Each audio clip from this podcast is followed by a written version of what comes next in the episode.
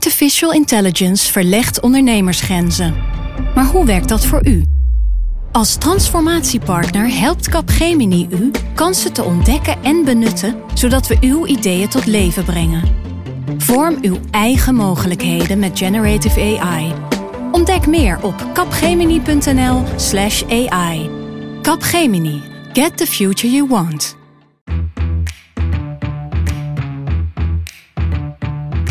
Dit is Haagse Zaken van NRC. Mijn naam is Lemia Aharouai. Door de coronacrisis staat de zorg weer hoog op de politieke agenda. Op het uh, hoogtepunt van de crisis luidde het devies: regel het maar gewoon, ongeacht de kosten. En nu de crisis over zijn hoogtepunt heen is, is het tijd voor Den Haag. Voor wat? Zelfreflectie. In deze Haagse zaken hoor je over hoe het zorgsysteem in Nederland geregeld is, hoe het nadenken over marktwerking veranderde en hoe de crisis misschien wel zorgt voor een omwenteling in hoe we zorg in de toekomst willen regelen. En dat doe ik met uh, bij mij in de studio, hoe kan het ook anders als het over cijfers gaat, Filip de Wit Wijnen. Filip, ik ken echt weinig mensen die lachend de redactie opkomen in een uh, goede bui, omdat het CBS cijfers over zorg heeft gepresenteerd. Ja, want ik was eerst twee dagen depressief geworden, omdat ik het zelf was gaan uitzoeken. En ik kreeg het plaatje niet compleet, want 19 ontbrak. En, uh, 2019 2019. En toen was uh, vanochtend uh, kwam een verlossend berichtje van Marieke Stellinga, onze collega. Die had uh, de CBS-cijfers al uit de, uit de bak ge, geplukt. En dat, daar stond alles op een rijtje. Voorlopige cijfers nog maar, want de echte cijfers komen pas over een paar jaar. Duurt dat heel lang. Maar we kunnen nu iets meer zeggen over het beeld tot en met Nee, tot de coronacrisis. Maar het is dus best ingewikkeld om die cijfers zelf bij elkaar te zoeken of op te vragen of zo. Nou ja, er zijn allerlei uh, uh, databanken van het CBS natuurlijk, mm -hmm. maar ook um, uh, de Rijksoverheid, Financiën, VWS, CPB. Maar iedereen gebruikt andere definities en altijd zijn die getallen weer net anders. Dus ik heb nu CBS op een rij en dat is in ieder geval dezelfde definitie ja, in gebruikt. Dat dan, is wel prettig. Ja, precies. Pim van der Dol is hier ook, onze zorgman. Pim, ik kan me nog uh, herinneren, het was een paar maanden geleden, er was nog niks over corona bekend in Nederland. Jij had de zorgportefeuille net overgenomen van uh, Enzo van Steenberg, ons collega. Toen hadden we het hier een keertje over de zorg en toen zei hij, ja, ik ben nog een beetje aan het zoeken waar ik me op ga focussen, want zorg is zo'n breed onderwerp. Nou, het, het klopt wel dat het echt voor de coronacrisis was, uh, er was. Er is altijd politieke discussie over de zorg, maar het was toen niet een van de dominante thema's op, op het Binnenhof. er waren geen hele grote uh, politieke vraagstukken die, die toen om aandacht vroegen. Wel problemen zoals altijd, maar uh, ja, dat is door de coronacrisis natuurlijk helemaal veranderd. Het is, de zorg is echt helemaal op zijn kop gegaan door die coronacrisis. Van wat er allemaal is gebeurd, wat er op, opeens mogelijk bleek in de zorg, lijkt grote verandering. Lijkt me voor jou ook wel een prettige manier om kennis mee te maken met zo'n portefeuille, want je krijgt gewoon heel ja, veel. Ja, precies. Ik was nog echt mijn weg aan het zoeken in, want de, de zorg is sowieso een on, on, uh, onwijs complexe wereld. Mm -hmm. uh, met zoveel partijen, belangen, clubs. Uh, ja, uh, en de, hoe de financiering in elkaar zit. Dus ik was eigenlijk ook nog voor een deel aan het ontdekken hoe dat allemaal werkte. Mm -hmm. Maar, nu, maar goed, ik, kreeg door de coronacrisis gelijk, moest ik iedereen gaan bellen, kreeg met iedereen te maken. Dus was heel, heel handig. Nou, fijn dat we daar gebruik van kunnen maken. Deze week uh, scoorde je al de voorpagina een keer met een stuk over het uh, zorgsysteem. Of tenminste over een manifest van een aantal artsen. Die zeggen, oké, dit is het moment om de zorg te gaan hervormen. Ja, was inderdaad een, grote een comité van artsen die een manifest hebben geschreven. Uh, en zij willen dus dat de, uh, de zorg anders georganiseerd gaat worden. En zij zagen eigenlijk in de coronacrisis een soort van nou ja, grote nieuwe bewegingen ontstaan waarvan ze dachten van hé, hey, nou, dat moeten we vasthouden, moeten we van leren. En ik interviewde begin van de week huisarts Toosje Valkenburg, een van de initiatiefnemers van het manifest. Wat, wat er zichtbaar wordt, is dat je eigenlijk kan zien van ja. De, um, het gebrek aan samenwerking en, ja, en, en, de, en, het, en het capaciteitsproblemen aan het bed en het lean organiseren, waardoor we eigenlijk nog niet eens meer voldoende apparaten tot onze beschikking hebben, zeg maar. In een land als Nederland, waar je toch had moeten verwachten dat er gewoon reserves zijn aangelegd. Vond ik dat met name die, die, het idee van die, die, dat overlaten aan die markt en dat markt. Dat, Kijk, iedereen zal zeggen, de zorg is helemaal geen markt, het is een nepmarkt. Maar het marktdenken is er wel heel erg ingesloten. Ja, uh, zij noemde hier dus wat problemen die zichtbaar werden tijdens de coronacrisis. Maar uh, het biedt ook mogelijkheden. Eigenlijk wat, wat er gebeurde is dat veel van die artsen dachten... hé, hey, heel veel dingen die we wilden veranderen... waar normaal natuurlijk enorme onderzoeken naar worden gedaan in Nederland... en dan uh, zijn er wat adviesrapporten en dan wordt er over gedebatteerd. Dat bleek nu allemaal in korte tijd te kunnen. Door de coronacrisis. Ja, klopt. er waren eigenlijk een paar voorbeelden die ook in het manifest weer genoemd worden. bijvoorbeeld hè, centrale sturing door de, door de overheid, ehm, waar de zorg heel erg regionaal verdeeld is en ziekenhuizen zich erg op de eigen regio richten. Bijvoorbeeld moesten ze nu gedwongen eh, binnen een paar weken samenwerken om bijvoorbeeld het aantal IC-bedden te verhogen om patiënten van elkaar over te nemen. Hè. Er kwam zo'n landelijk centrum voor patiëntenspreiding. Mm dus dat was een ongekende vorm opeens van samenwerking in de zorg die binnen een paar weken tot stand kwam. Terwijl ja, ziekenhuizen normaal ook wel echt concurreren met elkaar in ons huidige systeem. Dus Dat, ja, dat was een van de optie, meest opzienbarende veranderingen. Dus ongekende hervormingen in een ongekend tempo eigenlijk. Ja ja, om te begrijpen waar deze artsen om vragen in hun manifest, is het wel belangrijk om eerst eens uit te leggen hoe ons huidige zorgsysteem in elkaar zit. Want het systeem zoals we dat nu kennen, dat is eigenlijk nog niet eens zo heel erg oud, hè? Nee, dat klopt. Eigenlijk uh, kwam in 2006 is de laatste keer dat er een grote wijziging was van het uh, zorgstelsel met de verandering toe van de zorgverzekeringswet. Nou, dat hield bijvoorbeeld in dat de manier van verzekeren anders werd. Dus daarvoor hadden we het ziekenfonds. Dat was eigenlijk vooral bedoeld voor de lagere inkomens. Die werden op die manier via de overheid verzekerd. Daarnaast had je ook wel een particuliere verzekering voor hogere inkomens.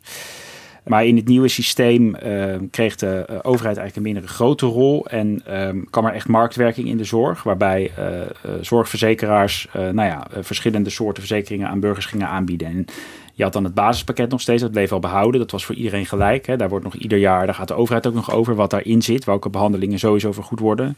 verder heb je dan aanvullende verzekeringen die weer per zorgverzekeraar kunnen verschillen.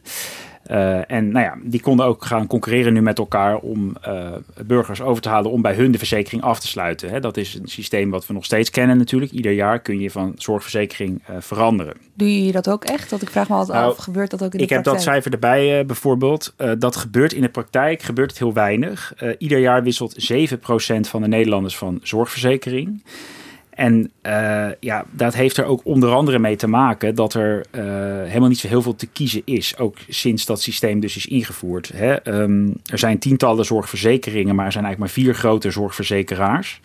Die dus een toch van een soort van onderling die markt gewoon verdelen. En eigenlijk met alle ziekenhuizen ook wel werken. En bij alle ziekenhuizen zorg inkopen.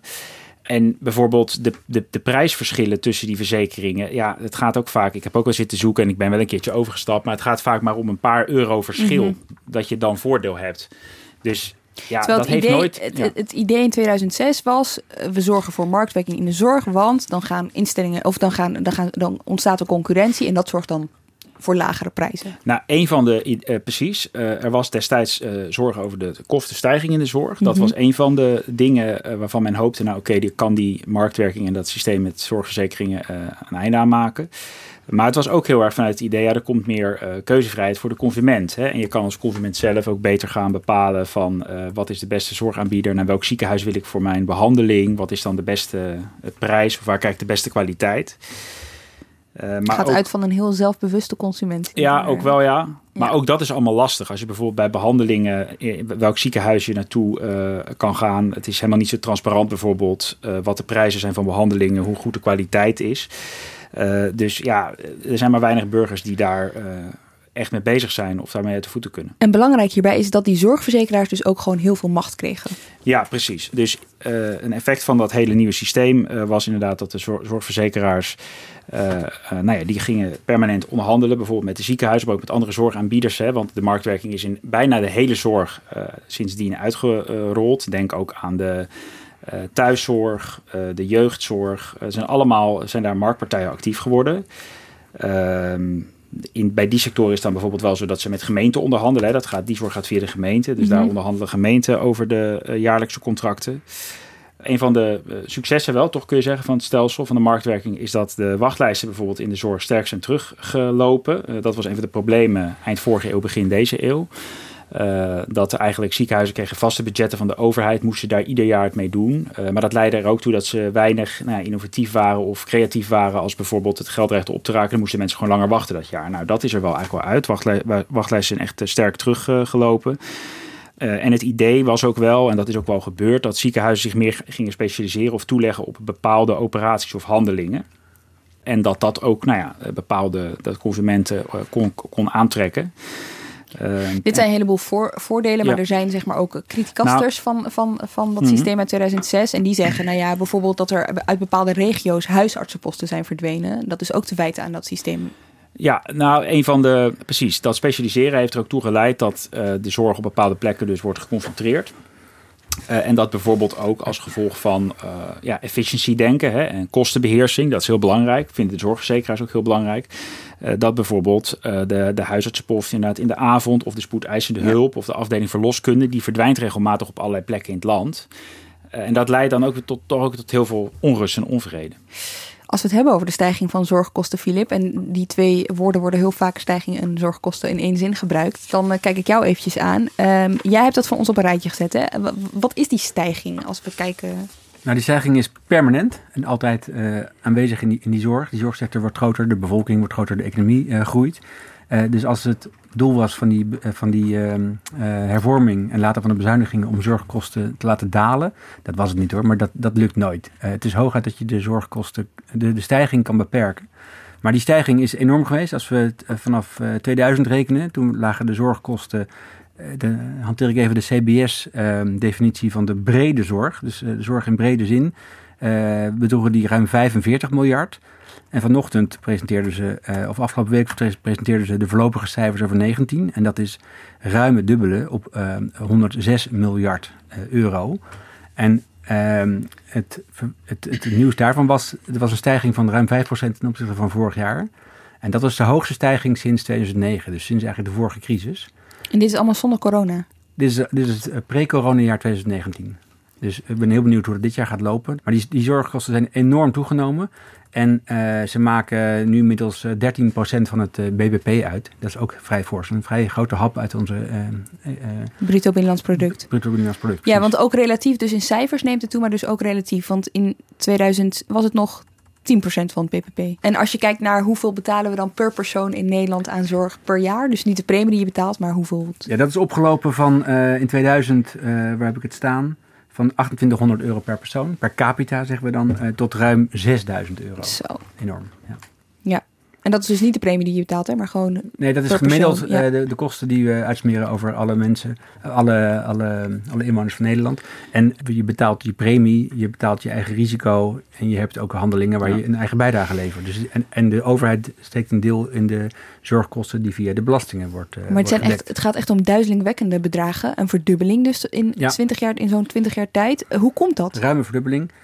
Uh, de zorgbehoefte neemt toe naarmate de bevolking groeit naarmate de economie groeit. Uh, de, de, innovaties in de zorg zijn, zijn, gunstig en handig, zeg maar robotisering en nieuwe geneesmiddelen, maar die brengen ook kosten met zich mee. Dus de zorg wordt ook duurder aan zich. Alhoewel je, alhoewel je kunt ook bedenken dat uh, robotisering personeel, uh, de, de, de behoefte aan personeel doet afnemen personeel is een grote kostenfactor. Eh, die krijgen ehm, nou, in sommige gevallen meer betaald. Dus er is vorig jaar een CAO afgesloten. Er is nu weer een roep om, om meer salar hogere salarissen in zorg. En we worden natuurlijk ook steeds ouder. Hè? Dat lijkt me ook wel een. We worden ouder, we blijven langer gezond. Dat is een hele belangrijke factor, de demografische factor. Dus dat is eigenlijk paradoxaal natuurlijk. Dat, hè, dat zijn allemaal gunstige ontwikkelingen mm natuurlijk. Hè. We worden ouder, we leven veel langer. mensen kunnen langer doorleven met ziekte. Uh, er komen steeds meer behandelingen en innovaties die leiden tot hè, uh, ja, nieuwe medicijnen, dure medicijnen. Dat is eigenlijk allemaal goed nieuws voor de volksgezondheid, want we kunnen dus ja, steeds meer doen, maar dat leidt onvermijdelijk dus tot een uh, ongelofelijke kostenstijging. Ja. Als je niet zegt, we gaan ook dingen niet doen of we gaan bepaalde medicijnen niet vergoeden. Of, ja. En als we het hebben over die stijging, Filip, om daar toch nog eventjes op door te gaan. Het is dus niet gelukt om die stijging af te... Ja, het is nou, wel gelukt om het af te vlakken, maar het is niet uh, gelukt om die stijging om te zetten in een daling. Nee, het, het doel van uh, vooral het vorige kabinet, Rutte 2, was om die uh, kostenstijgingen te gaan beheersen, te mm -hmm. beperken. Een beetje flattening the curve, wat we met de coronacrisis zagen. Dat was toen, toen voor de zorgkosten. Het is de vorige minister van, van Zorg, Schippers, wel gelukt om tijdelijk die zorgkosten binnen de perken te houden. Een stijging van 0,4% was relatief heel laag in 2013 en in 2015. En ze bleef ook binnen budget. Ze hield miljarden per jaar over. Er waren ook meevallers steeds te melden in de, uh, op het gebied van volksgezondheid. Dat was vrij uh, uitzonderlijk. Valt in hoofdlijn iets te zeggen over hoe ze dat deed? Nou, de, die grote bezuinigingsoperatie van, uh, die eigenlijk al na de vorige crisis was opgetuigd door Rutte 1 en door Rutte 2 uitgevoerd. Er zat die decentralisatie in van de jeugdzorg bijvoorbeeld. En van de, en van de, de WMO. Uh, Pim helpt Ja, de huishoudelijke hulp met name is Precies. Daar is, daar, daar is toen wel bespaard. ook op geneesmiddelen is erg bespaard. Maar goed, die stijging bleef. En het is aan elk kabinet om te zorgen dat die, dat die altijd oplopende zorgkosten niet te hard zullen stijgen. Mhm. Want het neemt op een gegeven moment een te grote hap uit je hele begroting. Waardoor je andere dingen niet meer kan doen. Hè, de, dat begrip van de houdbaarheid van de overheidsfinanciën. Kun je alles, ook de sociale, het sociale stelsel, kun je dat in stand houden. En kun je defensie op peil houden als je je zorgkosten zo'n grote hap uit de, uit de ruif eh, neemt. Ja. Als we het hebben over het politiek denken hierover. Hè, eh, want die invoering in, uh, van, van, van, van die nieuwe zorgverzekeringswet was in, in 2006. Het was dus nog Balkenende 2. CDA, VVD. Hoe dacht de partij hier destijds over in de Tweede Kamer? Nou, er was brede steun voor. In zoverre dat er een ruime meerderheid was van eigenlijk alle rechtse en middenpartijen destijds in de Tweede Kamer. Uh, dus dan moet je denken aan uh, natuurlijk VVD, CDA, maar ook D66. Oh ja, D66 zat er ook bij trouwens, Balkenende 2. Uh, de SGP. Nou ja, alleen, eigenlijk alleen de linkse partijen hebben zich destijds tegen de nieuwe zorgverzekeringswet gekeerd. Um, en het systeem was dus eerst ook best onomstreden en iedereen wilde het ook een kans geven. En nou ja, het het heeft ook echt wel voordelen gebracht. Die hebben we ook al kort aangestipt. Alleen uh, er is wel de laatste jaren zie je al een beweging, zeg maar, dat er wel kritischer gedacht wordt over de, uh, de marktwerking in de zorg. Of dat het te ver is doorgeschoten en dat het ook, ook zijn nadelen heeft. Of, en op sommige plekken gewoon ook niet uh, goed werkt. Ja, dus bijvoorbeeld dat die concurrentie niet per se voor lagere prijzen zorgde. Nee, nee, nee. En uh, bijvoorbeeld of, uh, uh, of het zinvol is dat, dat, je, dat die gemeente ieder jaar met tientallen jeugdzorgaanbieders moeten onderhandelen mm over contracten, weet je wel. Of dat je dat gewoon simpeler moet regelen. Hè. Daar is bijvoorbeeld CDA-minister Hugo de Jonge mee bezig gegaan. en hij heeft zich ook wel uitgesproken meer tegen marktwerking van... zijn mantra is een beetje van minder marktwerking, meer samenwerking. Uh, nou, dat is toch, hè, je ziet het CDA, heb je daar zien schuiven. Ja, dat is uh, heel interessant. Ja, ja Balkenende was het natuurlijk die het onder Balkenende... Nou, daarom, uh, ja. en ja, zelfs bij de VVD, dat was een aardig voorbeeld... Dat is een partij die dit stelsel natuurlijk het, tot nu toe eigenlijk het meest is blijven verdedigen. en weinig kritisch was, maar de inmiddels afgetreden minister Bruis bijvoorbeeld, die uh, besloot eerder, vorig, nee, vorig jaar moet ik zeggen, geloof ik nog, om bijvoorbeeld de marktwerking in de ambulancezorg uh, buitenspel te zetten. Zou je denken, wat is dat nou voor raars eigenlijk dat daar überhaupt marktwer marktwerking is in de ambulancezorg. Maar ook daar ja, konden partijen die dat wilden aanbieden, in principe elke keer voor een regio, dus een, aan een A-besteding meedoen. En daar heeft Bruins voor gezegd van joh dat moet je gewoon centraal regelen. We doen in iedere regio gaan we met één partij in zee, langlopende contracten en niet elke keer weer uh, concurreren. De ambulances zijn gewoon te belangrijk, snap je, voor marktwerking. Dus nou ja, ook hij heeft daar iets op uh, veranderd eigenlijk ja. bij de VVD. En wat je nu dus wel veel hoort, om het weer even terug te brengen tot de coronacrisis, in al die debatten in de Tweede Kamer, eh, bijna wekelijks, die er gevoerd werden, hoorde je heel vaak, ja, voorgaande kabinetten Rutte 2 of Rutte hebben uh, de zorg uitgekleed. Kapot eh, bezuinigd, uh, precies. zeggen, dan mensen als, eh, als Wilders of, of Marijnissen. Voorzitter, we hebben de zorg bijna kapot gesaneerd. Het tegendeel is het geval van wat de collega van de VVD zegt. We hebben, of het dan gaat over de IJsselmeerziekenhuizen, of het dan gaat over het Slotervaartziekenhuis. We hebben ziekenhuizen gesloten. We hebben ook, tot en met de ouderenzorg toe, hebben wij tienduizenden, 75.000 mensen die daar werkten, hebben we ontslagen.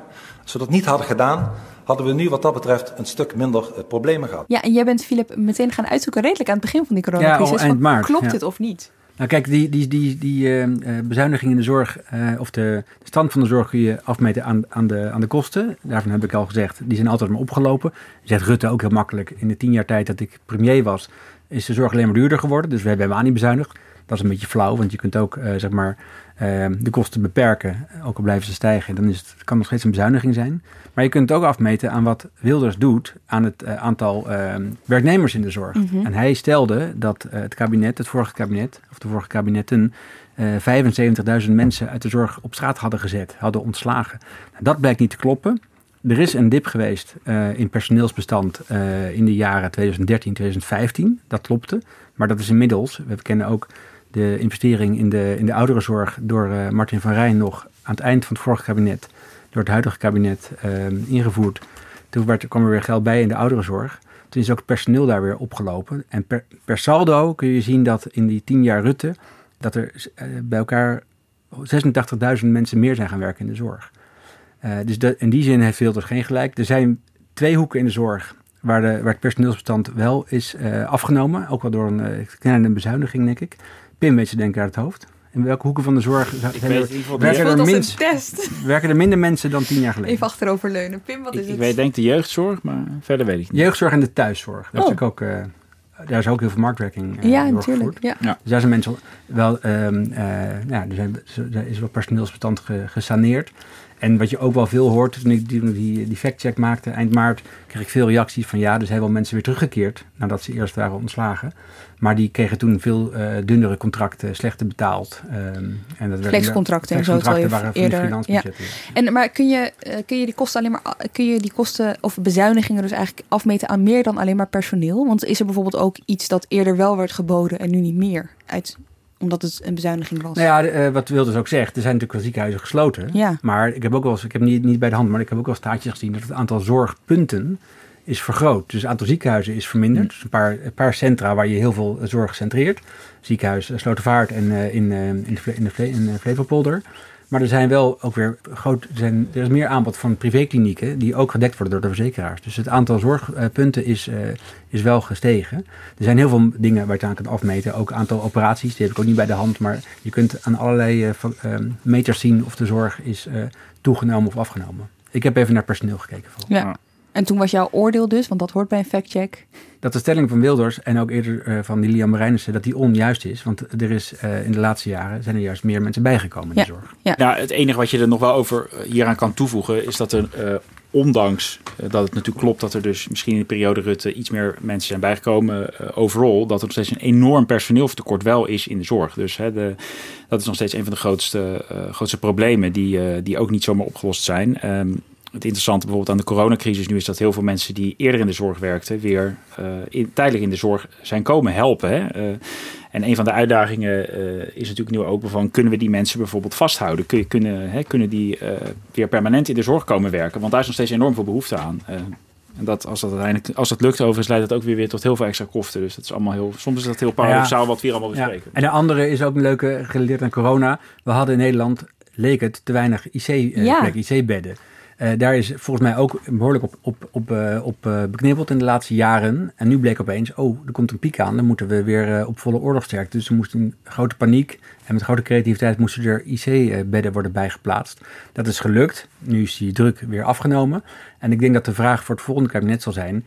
op welk pijl moeten we dat houden om een volgende crisis aan te gaan? Groot is je basis, want het kost natuurlijk al... gewoon geld dat kost geld, ja. maar het is, natuurlijk nu, het is nu ook al de vraag voor de tweede golf, als die komt. Uh, hè, hoeveel bedden moeten we nu in al die ziekenhuizen paraat houden, zeg maar, voor... Uh, want dat kost inderdaad ook heel veel, heel veel geld. Uh, het is ook het lage aantal IC-bedden in Nederland is bijvoorbeeld weer te verklaren ook uit het, het efficiency-denken wat wij hier heel sterk hebben doorgevoerd. Dus ja, zeg maar gewoon minimale, vo nodig, minimale voorraden. Dat zie je overal terug. Ik heb, voorraden kosten geld. over het aantal ziekenhuisbedden is ook heel iets te zeggen. Daar heb ik wat cijfers bij gevonden. Ik dacht ook van het CBS. Um, alleen dat loopt tot 2017, dus dat mm -hmm. is iets langer geleden. Maar daarin zie ik dat het aantal uh, gewone ziekenhuisbedden in de periode 2009-2017 daalde van uh, ongeveer 45.000 naar 38.000. Een afname van 15% ongeveer. En het aantal IC-bedden, uh, dat is pas bijgehouden vanaf 2015, dus dat zegt niet alles, is van 2200 toen naar 2000 gegaan in 2017. Een afname van 7%. Ja. Uh, nou ja, wat was het aantal dat nodig was in deze crisis, uh, Pim? Aan IC-bedden? Uh, nou, 2500. Maar volgens mij hebben wij er standaard maar iets van de laatste jaren. Wij begonnen in ieder geval nu op iets van 1200. Ja, dat is nog meer terug, ja, enorm teruggelopen. Terug, nog, ja. Ik ben heel benieuwd wat het nieuwe niveau zou zijn om, om nou, te kunnen betalen. En ook wat wenselijk is voor Precies. een volgende uitbraak. Maar toch, oké, okay, die uitspraak van Wilders zo erg op, op, op personeel toegespitst is dus onjuist. Maar het raakt wel aan een sentiment. Ja. Van hè, eh, eh, op het moment dat er een gezondheidscrisis uitbreekt in Nederland. Ja, het leek wel alsof we gewoon niet goed genoeg waren voorbereid. Nee. Maar dat is denk ik wel, dat sowieso nu al een van de lessen, dat we op, zo'n pandemie was Nederland misschien, maar ja, wie is er wel goed voorbereid op een pandemie? Maar oké, Nederland had echt zwakke plekken in het systeem. Dus inderdaad, die systeembedden, uh, systeembedden moet je mij horen, sorry, IC-bedden. Uh, beschermingsmiddelen natuurlijk, enorme problemen met voldoende, ja, omdat we totale afhankelijkheid van Azië op dat vlak. Nog even over het manifest van eh, de artsen. Eh, zij zagen eigenlijk eh, in deze coronacrisis iets gebeuren wat veel mensen, denk ik, in de politiek en de zorg, ja, soort van niet voor mogelijk hadden gehouden. Het gaat al hè, een paar jaar over.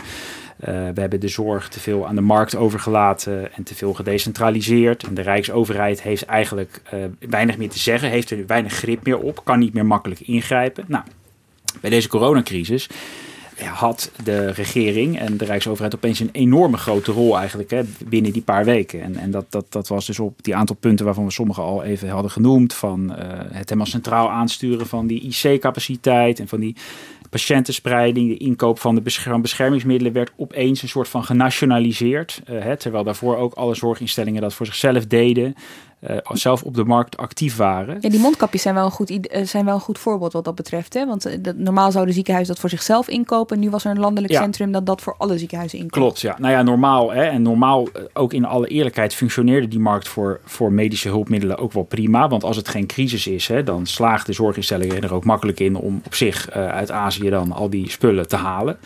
Maar goed, nu bleek dus dat als je zo'n crisis hebt, dat dat, uh, dat dat niet mogelijk is. En dat je dan nou ja, een overheid in ieder geval nodig hebt die op dat moment de regie uh, neemt. Ja, bijvoorbeeld de, de ziekenhuisspreiding is daar ook wel een goede van. Hè? Dus patiënten in, in, in het zuiden van Nederland hadden ze een overschot aan patiënten, zeg maar. En in Groningen lagen, de, ja. la, lagen, waren er lege ziekenhuisbedden. Nee, klopt. Dat is denk ik een heel, heel leuk voorbeeld uit deze crisis. Plotseling was het door die gebrek aan IC-bedden nodig dat ziekenhuizen, uh, zeg maar, echt bij wijze van spreken aan de andere kant van het land, uh, patiënten van elkaar gingen overnemen. Dus dat uh, in Brabant was de druk eerst heel hoog moesten de patiënten bijvoorbeeld naar uh, Groningen en Friesland worden gebracht.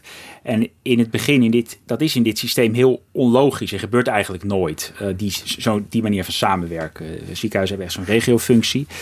Dus je merkt in het begin bij de noordelijke ziekenhuizen nog wel wat huiver van... ja, oh, moeten wij allemaal patiënten nu uit Brabant gaan opnemen? Maar wat betekent dat dan voor ons IC? En straks hebben wij, hebben wij hier geen, geen plek meer. Maar ondanks die misschien een beetje opzakproblemen. In het begin was er wat gemopper. Uiteindelijk was er enorm veel solidariteit uh, tussen die ziekenhuizen. Even over dat gemopper aan het begin. Ik was, eh, denk in maart was dat nog, uh, met Hugo de Jonge mee naar dat landelijk coördinatiecentrum oh ja. Ja. in Rotterdam, Erasmus MC. En toen vertelden ze daar aan hem van, nou ja, kijk, ze hadden dan dus een systeem en dan kon dat landelijk, dat landelijk coördinatiecentrum meekijken hoeveel lege bedden er overal waren. En wat er nog wel eens voorkwam, was dat ze dan een patiënt hadden die ze ergens heen wilden rijden. En dan zagen ze ergens lege gaten. En dan belden ze met dat ziekenhuis. En dat ziekenhuis voelde zich dan een beetje betrapt. Weet je wel, van shit, ze kunnen meekijken. En dan de volgende dag hadden ze het systeem gewoon uitgezet. Weet je wel. Dus ja. dat soort onderlinge strijd was er aan het begin wel eventjes. Maar dat is op een gegeven moment nou ja, wel uh, Kijk, verdwenen. omdat inderdaad het huidige model ziekenhuizen normaal gesproken ook gewend zijn om, uh, ja, om ook meer, meer te concurreren met elkaar. En uh, dit, dit was dus iets heel anders. Uiteindelijk was iedereen het erover eens overigens dat de ziekenhuizen elkaar geweldig hebben geholpen. Uh, nou, en de opstellers van het manifest die hopen dus ook dat, uh, nou ja, dat er gewoon meer vanzelfsprekende samenwerking ook kan komen in de toekomst tussen ziekenhuizen. Ja, en uh, ja, efficiëntie in de zorg, Filip? Ja, dat heb ik eigenlijk aan, aan de lijve ondervonden. niet zozeer door naar de cijfertjes te kijken, maar in mijn, in mijn naaste omgeving was iemand ernstig ziek geworden eind maart. En die moest acuut geopereerd. En net toen de coronacrisis uitbrak. En in, die kwam terecht in een, in een groot regionaal ziekenhuis ik merkte dat de zorg daar buiten gewoon efficiënt ging. Allereerst waren de wachtkamers leeg, dus we konden snel, uh, snel terecht. Maar het ziekenhuis had als beleid om uh, de onderzoeksfase uh, sneller te doen dan normaal. Normaal stonden er drie dagen voor en dat is in twee dagen gepiept. De operatie was binnen een week. En de OK was beschikbaar, dat was wel een voordeel. En er was ook enige nazorg nodig, maar die hebben ze ook van, van 15 contactmomenten teruggebracht naar 5. Dat was, dat was uh, niet officieel beleid, maar ze zeiden: uh, we weten dat het verantwoord is uit wetenschappelijk onderzoek. En we gaan proberen dat wetenschappelijk onderzoek nu, uh, of de, dat, dat, die aanbevelingen te versnellen vanwege de uitzonderlijke corona-omstandigheden. Maar we hopen dat we dat als standaard protocol kunnen gaan hanteren. En het ziekenhuis was er blij mee, wij waren er blij mee. Dus eigenlijk gaf het een soort van, creëerde het ook tegelijkertijd een soort van ruimte om, ja, experimenteer is niet helemaal het goede woord, maar om dus te kijken of dit soort, konden, of, het, of het kon. We konden sneller geholpen worden en met minder uh, bezoek aan het ziekenhuis uh, uh, konden het onderzoek, operatie en de nabehandeling kon plaatsvinden. En, en toen was het eigenlijk, dat, dat vonden wij een voordeel, maar dat vond het ziekenhuis ook een voordeel. Dus dat, is, dat, dat leek mij zo'n efficiëntie, waar misschien dat manifest ook over gaat. En waar je dus ook wel ehm, kosten mee bespaart. Zeker. Om het maar om het weer even uh, terug te trekken uh, naar die cijfertjes. 15 bezoek aan het ziekenhuis uh, is meer, kost meer geld dan, dan 5. Bij jullie ging het dus een soort een stuk efficiënter, vertel je, Filip. Ja. Andere behandelingen zijn echt uitgesteld deze coronaperiode. Want alles was maar gericht op het beheersen van, van, van, van corona. En ja. daarvan wordt gezegd dat ja, neemt ook risico's met zich mee.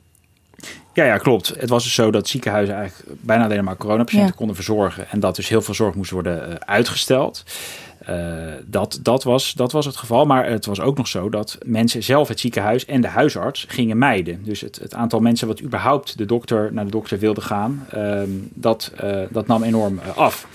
En nu is het nog niet helemaal duidelijk hoe schadelijk dat is geweest. Vanuit het perspectief van, uh, van, van de volksgezondheid. Um, wat bijvoorbeeld wel duidelijk is, is dat de, cardio, de cardioloog, de, de hart, hartspecialisten, die deden op een gegeven moment wel een oproep van, die zagen hun, dat had ik nog een getal bij, die zagen hun aantal mensen met zijn hartinfarct of hartfalen melden, met 70% was dat afgenomen. Ja, dat kan echt niet zijn dat er 70% minder hartinfarcten en zo waren. Maar mensen gingen gewoon minder snel naar het ziekenhuis. Kijk, voor dat soort groepen is het waarschijnlijk heel schadelijk geweest dat die niet naar het ziekenhuis zijn gegaan. Uh, en dat kan ze ook echt uh, ja, levensjaren gaan kosten. Of misschien zijn er zelfs daardoor ook wel extra doden gevallen. Dat ja. zijn dingen die we ook nog niet helemaal precies weten. En je zag natuurlijk ook door deze coronacrisis de vragen harder klinken bij ouderen. Moeten we die wel opnemen op de IC? Dus triage gebeurt natuurlijk ja. altijd al wel. Hè, vooraf ja. bekijken, is het handig of niet om iemand, of is het, ja, is het, is het het waard of niet om iemand op de IC uh, te plaatsen? Nu, nu was dat net iets steviger. Nou, dat, was, dat was gewoon een standaard gesprek nu bijna wel. Soms tussen huisartsen en, en kwetsbare ouderen uit hun praktijk. Uh, werd op een gegeven moment ook bekend dat huisartsen die gesprekken echt uh, gingen voeren. Uh, ja, over de voor- en nadelen van zo'n opname op de IC. Hè, dat is ook een dure behandeling, maar goed, dan denk je vanuit kosten. Maar huisartsen redeneren in dit geval juist vooral vanuit: is dit wel eigenlijk verstandig? Want de kans dat een, ook een vitale 70-plusser een beetje lekker uit zo'n IC-opname komt, als hij het al overleeft, is gewoon bijzonder klein. Uh, dus dat gesprek werd ook gevoerd. En dat leidde er ook toe dat op een gegeven moment minder mensen op de IC uh, werden opgenomen. En de druk op de IC's minder, uh, minder werd. Ja, zijn ze dat nog steeds aan het doen eigenlijk? Nu, nu de druk op de IC's is afgenomen, blijft diezelfde manier van triage uh, doorgezet Nou, wat de huisarts die ik dus over dat manifest sprak wel zei, of dat ze hoopten dat dat soort gesprekken überhaupt vaker uh, gevoerd gaan worden. Dus niet alleen als er uh, met corona zo bedreigend is, maar ook je kan het ook bij heel, heel veel andere behandelingen doen. Ja. Een bekend simpel voorbeeld is bijvoorbeeld de heupoperatie bij, ja, bij een oudere zij vertelde dat ja, voor de meeste mensen, als iemand alleen nog maar een beetje in zijn huis scharrelt, dan is zo'n operatie eigenlijk niet zo zinvol en uh, best wel heeft ook risico's. Maar als een oudere nog heel vitaal is en iedere dag fietst, dan is het bijvoorbeeld wel nuttig. Maar nou ja, om vaker die standaard, afweging, ja. precies, moet eigenlijk niet standaard zijn. Daar bestaat een woord voor, overbehandeling. Ja. Ja, en um, Ab Klink, oud-minister van Volksgezondheid, overigens onder Balkenende 2, hij was het die die marktwerking in de zorg uh, uh, normaal maakt, om het maar even zo te zeggen. Die is nu uh, voorzitter van de Raad van toe Toezicht van verzekeraar VGZ. En hij was te gast bij Buitenhof op 26 april. En dit vertelde hij toen over die overbehandeling. Er is deze week een publicatie gekomen van het ministerie van Financiën. Wat nog eens een keer een prognose doet over de zorgkosten naar de nabije toekomst. En ook, ook het ministerie van Financiën zegt een van de dingen die ehm, binnen ons zorgstelsel op dit moment duur is, is eigenlijk ja, onnodige, uh, Ernst Kuiper zei het ook onlangs nog bij, bij uh, uh, onnodige zorg. En daar betalen we wel voor. Wat is die, onnodige zorg? Nou ja, er worden voorbeelden gegeven aan mandelknippen die niet nodig zijn, röntgenfoto's die niet nodig zijn.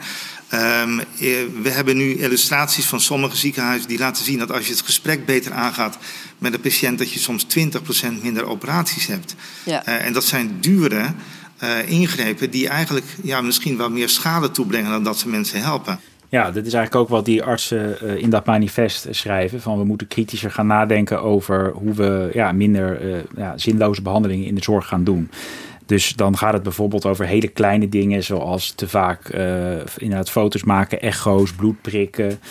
Um, Want dat is wel interessant. Je zou kunnen zeggen, als je klink hoort, weet je wel, dit is een zorgverzekeraar, die heeft er alle belang bij om dit te zeggen. Hè, uh, dat, dat heel veel onnodig is. Ja. Maar die huisarts die jij sprak, die zei eigenlijk hetzelfde. Ik denk dat, je, dat we zouden moeten beginnen mm. met de, de overbehandeling en de overdiagnostiek ja. echt terug te dringen. Ja, dus niet alleen maar kijken naar die paar hele dure behandelingen, mm. maar juist naar die, uh, uh, die bulk tussen in die gezonde zeg maar in die gezonde jaren tussen de 20 en de 60 als het ware, zeg maar, dan uh, daar in de.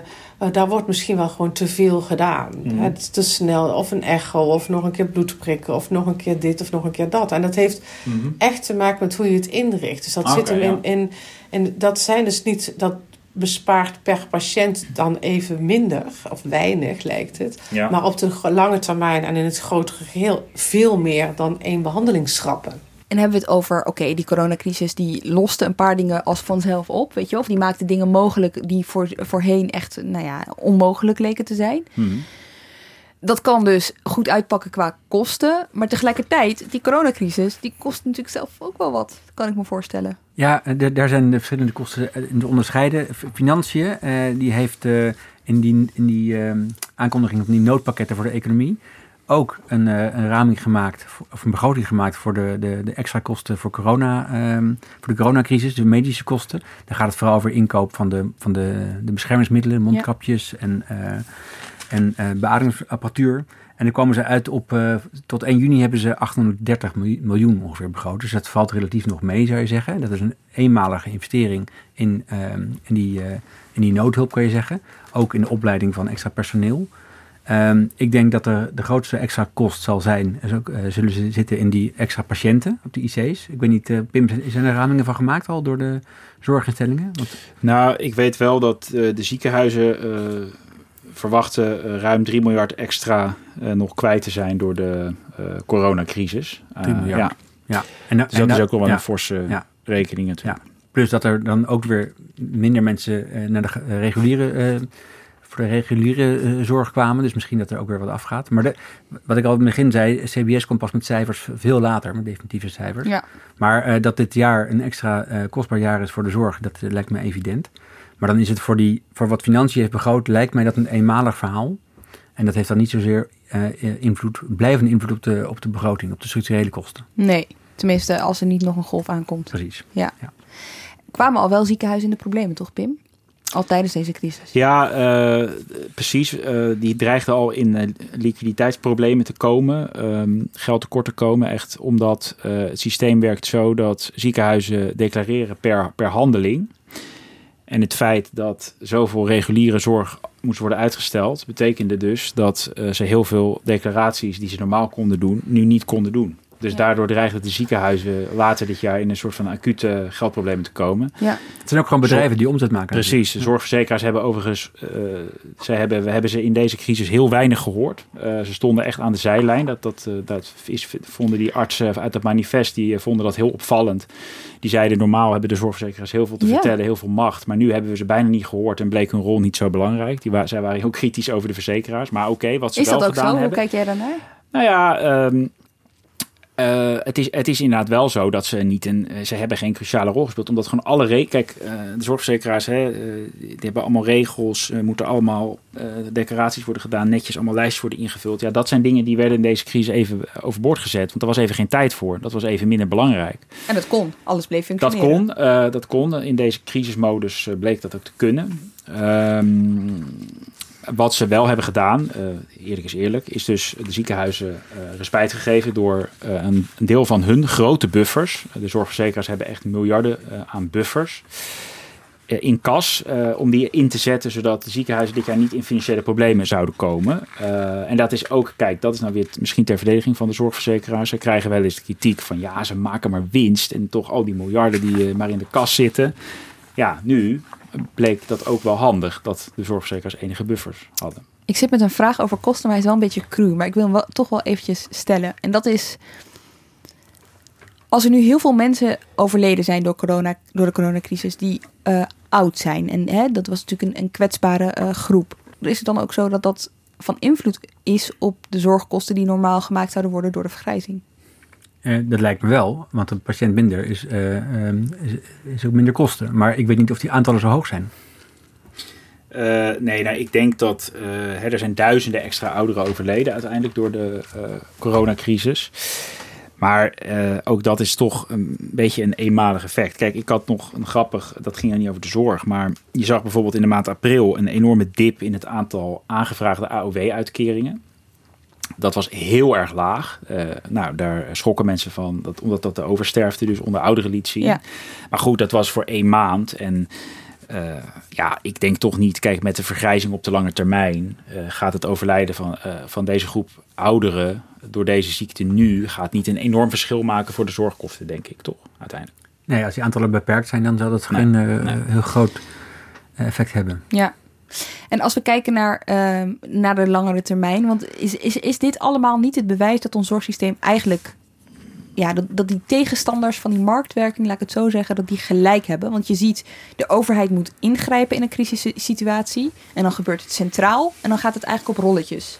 Ja, nou ja, kijk, eh, weet je, het is volgens mij iets te makkelijk om. Kijk, je kan een crisissituatie kun je ook weer niet vergelijken met de normale uh, gang van zaken. Kijk, uh, ik weet niet of um, als de overheid alles, uh, alle regie in de zorg weer overneemt en de, de marktwerking ja. helemaal buitenspel zet, of het dan allemaal beter geregeld zou zijn. Hè? We moeten uh, niet vergeten dat bijvoorbeeld, we hebben het ziekenfonds begin genoemd, lange wachtlijsten.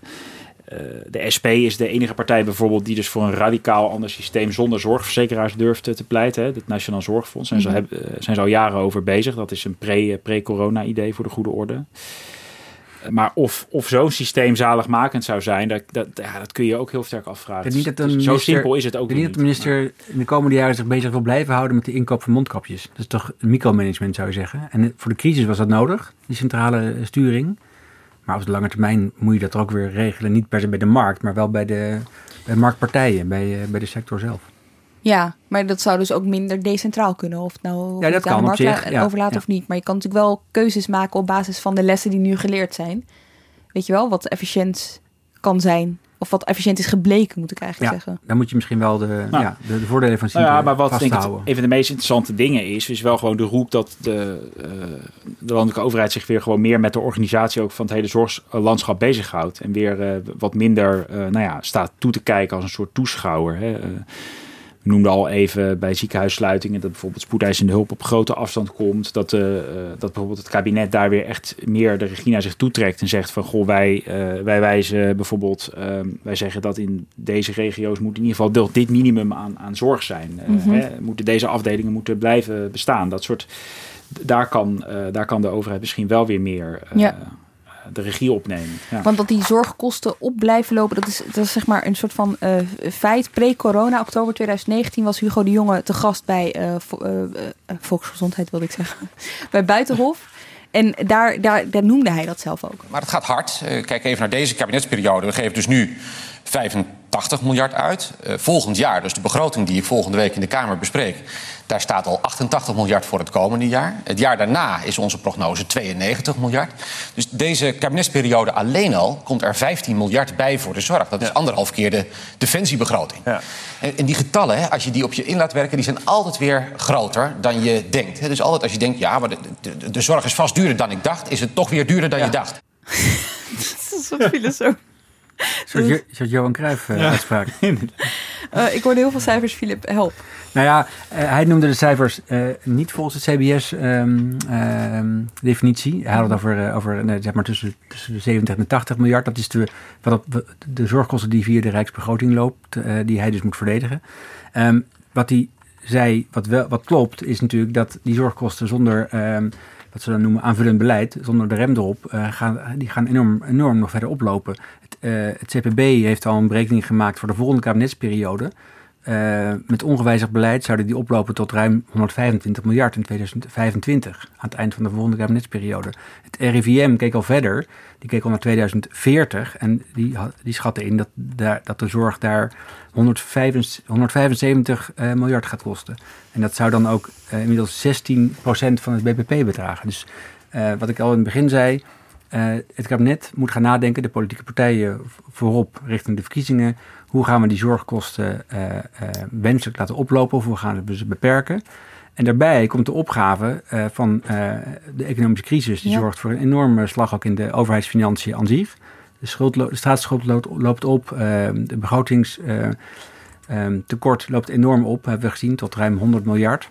Want kun je zeggen dat een economische crisis onafwendbaar is? Absoluut. Dat, gaat, dat gaat zeker dit jaar hard ingrijpen en ook nog wel volgend jaar. we weten niet hoe lang de recessie dan nog zal duren.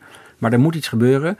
Um, de, bij de vorige crisis, de financiële crisis, toen koos, uh, kozen verschillende kabinetten ervoor om snel die puinhoop op te ruimen. Onder druk, kun je zeggen, van de, van de Brusselse begrotingsnormen. Toen is in een paar jaar tijd is dat tekort en is die schuld uh, tot aanvaardbare proporties teruggebracht. Daarvan zeggen nu beleidsmakers en economen, uh, afgelopen week nog in de Tweede Kamer, de Nederlandse bankpresident Klaas Knot, we moeten dat niet meer zo snel doen als de vorige keer, maar uitsmeren over een langere periode over één kabinetsperiode of twee of over generaties. En er zijn economen die zeggen je moet die schuld die je nu maakt, die je nu makkelijker maken omdat de rente laag staat en we kunnen nog makkelijk geld lenen. Die schuld moet je pas moet je uitsmeren over 100 jaar misschien wel. Dat je dan per jaar maar een paar miljard kwijt bent om dat weer af te betalen. Daar moet uh, de politiek over gaan nadenken. Uh, ik ben heel benieuwd hoe die verkiezingsprogramma's nu in de komende weken en maanden, uh, hoe die um, hierover gaan, gaan spreken en gaan denken. Ambtenaren zitten ook niet stil om erover na te denken. En ook vrij, nou ja, toevallig of niet, vlak voor de coronacrisis hebben zij een vaste oefening gedaan in het nadenken over overheidsfinanciën. En er kwam eind maart, was het meen of eind april, een groot rapport uit van Financiën. Een apolitiek, dus echt een ambtelijk rapport over wat zijn nou de mogelijkheden om in die overheidsfinanciën nog wat dingen te doen. wat te saneren en te hervormen en te bezuinigen. En daar werd ook uh, naar de zorg gekeken. Er kwam een kritisch, of een kritisch, een zorgrapport met, uh, met 40 beleidsopties.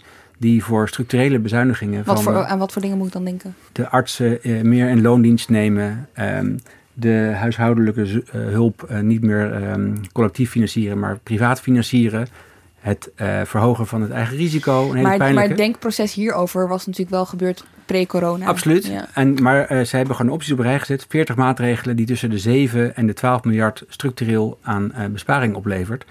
Er zullen, de, de, zullen, de politici, politici zullen daar nou, naar wel naar moeten kijken. Wat zijn verantwoorde maatregelen om die kosten niet tot die 175 miljard ja. te laten oplopen. Maar het was inderdaad frappant dat dit, uh, dit rapport uh, midden in de, dit was echt midden in ja, de het was, uh, half april. Het was echt uh, zelfs, ja. Toen ging het nog om de IC-bedden Precies, zo, toen waar maakten ze ja. om de IC-bedden. Dus ik denk dat het heel interessant wordt inderdaad of de de politiek richting de verkiezingen überhaupt uh, het gesprek durft aan te gaan over bezuinigen op de zorg. Kijk, uh, de beweging is op dit moment eerder andersom. Namelijk, ja. we moeten de zorg. We hebben deze crisis gezien dat de zorg zo belangrijk is dat uh, zorgverleners bijvoorbeeld beter gewaardeerd moeten worden. Dat de salarissen van zorgmedewerkers omhoog moeten. Dat zijn zaken die, als we dat willen en vinden, hè, vitale beroepen, we hebben geapplaudisseerd. Uh, maar goed, dat gaat heel veel extra geld kosten als die uh, salarissen fors omhoog zouden moeten. Uh, en ik verwacht dat er misschien wel een soort taboe komt op, ja, het is een, moe- ik denk, een, Maar ik een moeilijk het verhaal Ja. uh, om, om na zo'n crisis te gaan zeggen, ja, maar we moeten toch alweer nu alweer kijken naar ook zijden in de zorg. dat Het- hebben die politici het zichzelf ook best wel moeilijk gemaakt. Jazeker, en, maar Ja. ik ben met wel een punt, want ook in, uh, op al die andere sectoren waar je op zou kunnen bezuinigen, andere terreinen, uh, was het niet Erik Wiebes, de minister van Economische Zaken, die zei nu, we moeten, deze, uh, we moeten ons niet uit deze crisis gaan bezuinigen dit keer, zoals de vorige keer, maar uit, onze, uit de crisis investeren. Ja. Hij wil, en het kabinet wil het geld laten rollen, dat gebeurt nu zeker met die noodmaatregelen, maar eigenlijk zegt, uh, zegt Wiebes en zeggen andere ministers ook, we moeten de plannen die we hebben, ook op het gebied van de arbeidsmarkt en van de huizenmarkt en van de gezondheidszorg, we moeten even het geld blijven uitgeven, zodat die economie ook weer op gang komt. Waardoor het misschien makkelijker wordt om um, die staatsschuld terug te brengen. Vorig jaar is er echt met pijn en moeite een nieuwe CO voor uh, zorgpersoneel gesloten. Hè? Ik vraag Ja. me nu heel erg af. Uh, Ja, ze hebben een heel, goed, heel goed argument om uh, opnieuw te onderhandelen. Want uh, hè, de Ja. zorgmedewerkers was het, uh, waren, waren opeens cruciale uh, beroepen. En um, we hebben ze hard nodig. Dus ze kunnen zeggen, mag er nog een ontje meer bij? Ja, nou ja, eh, die, die onderhandelingen verliepen bijvoorbeeld zo moeizaam omdat eh, de ziekenhuizen die, eh, die, die werden ook gehouden door het kabinet de afgelopen jaren aan bepaalde kostenbeperkingen. of die moesten ook zorgen dat hun kosten niet te snel gingen oplopen. Dus daarom waren uiteindelijk die onderhandelingen over die nieuwe CAO al heel moeilijk. Ehm, eh, dus ja, als, als ehm, als de politiek straks wil dat zorgverleners nog veel meer betaald krijgen, dan zullen de ziekenhuizen daar van de overheid veel meer geld en budget voor moeten krijgen. Ja. Ehm, Toch nog één ding tot slot. Als het echt komt tot een economische crisis, in 2010 leerden we wel dat, het, dat, dat, dat, dat een campagne tijdens verkiezingen dan eigenlijk alleen nog maar daarover gaat. Dus is er ook een kans dat zorg dan eigenlijk weer langzaam van die politieke agenda verdwijnt? Nou, ik denk het echt niet. Ik denk dat zeker omdat de verkiezingen over een half jaar zijn, zo'n beetje, in ieder geval de campagne. En dan zit die coronacrisis echt nog wel in onze, in onze geesten.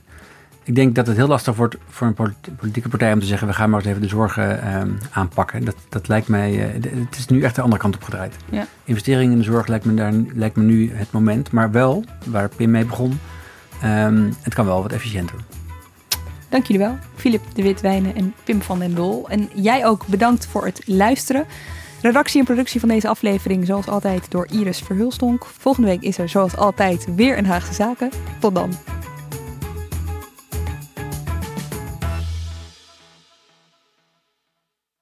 Wat weet ik eigenlijk van die nieuwe leverancier? Ik heb die spullen wel echt nodig. Gaat hij straks wel leveren? Ik weet niet eens hoe lang die bestaat. Weten met wie je wel of niet veilig zaken kunt doen? Check kvk.nl voor belangrijke ondernemerskennis. Zoals info over een nieuwe handelspartner. KVK, hou vast voor ondernemers.